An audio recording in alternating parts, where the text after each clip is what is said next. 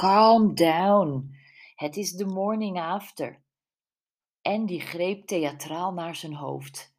Jule haalde nog eens haar schouders op en negeerde haar mopperende man. Ren, ga jij douchen? Ik maak broodjes en koffie en dan gaan we aan de slag. Resoluut stapte Jule haar chalet in. Brenda volgde haar. Overigens, Jules zocht in een laadje naar een stuk papier. Die jonge agent die bij de deur van het toiletgebouw stond, is een verre neef van Betty. Ook wel weer fijn om te weten. Opgeknapt van de douche en in een schone jurk vintage Isla Ibiza Bonita schoof Brenda fris aan het ontbijt dat Jules had klaargezet. En van Jules handgeklopte latte macchiato kreeg ze helemaal een stoot energie. Ze keek naar de klok. Het was al half twee. Oké, wat hebben we tot nu toe? Ze propte een mini croissantje in haar mond en schoof haar bord aan de kant. Jules zat klaar met een pen in haar hand. Het is nu, ze schreef in snelle hanenpoten, zaterdag. Ja, vulde Brenda aan. Jij en Andy arriveerden hier donderdag. En toen heb je mij gebeld. Ik kwam gisteren meteen en dat was vrijdag.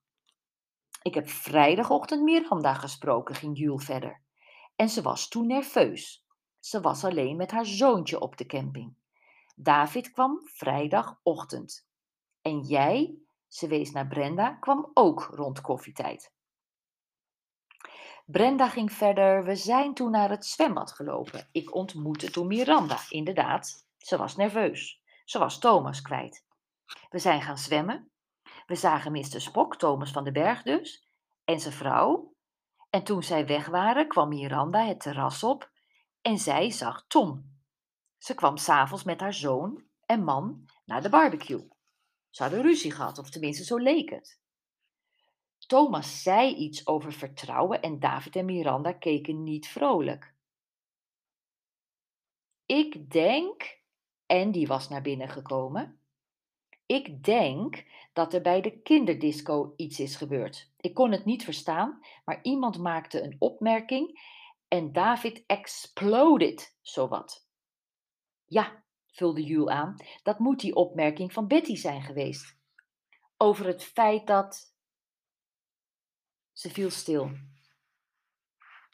Wacht eens even. Jules sloot haar ogen. Brenda keek naar haar vriendin. Ze zag Jules' ogen onder haar oogleden heen en weer schieten. Ik weet wat je wil zeggen, Jules, zei ze langzaam. Er is iets met Thomas. Hij en dat zoontje van Tom van den Berg lijken enorm op elkaar. Misschien is David niet de vader van Thomas. Misschien werd dat duidelijk tijdens de kinderdisco en is David daardoor helemaal doorgedraaid. Ze keerde zich om naar Den Andy. Andy, wie waren bij de kinderdisco? David en Thomas natuurlijk, maar wie nog meer? Weet je dat nog? Andy trok een gepijnigd gezicht, alsof zijn herinneringen van heel ver moesten komen. Er was een vrouw, gebruind en met lichtblond haar, die ik niet kende, en die had een zoontje, en dat leek erg op Thomas. En Betty maakte daar een opmerking over en dat vond David niet leuk. De blonde trouwens ook niet. Toen zijn we snel weggegaan, David en Thomas naar Miranda en ik naar jullie. En die grijnsde trots naar de twee vrouwen aan tafel.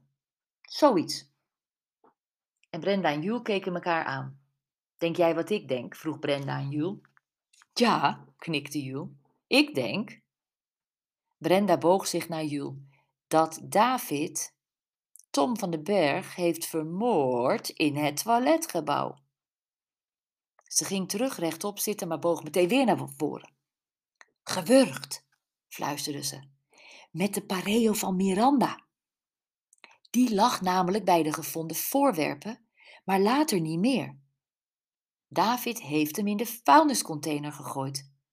Maar Miranda heeft hem tijdens haar vroege jogrondje gered voor de vuilnisman hem meenam. Hij wappert nu aan de waslijn. Dat heeft David natuurlijk wel gezien. En nu is hij gevlucht. Met zijn zoontje. Dat eigenlijk zijn kind niet is.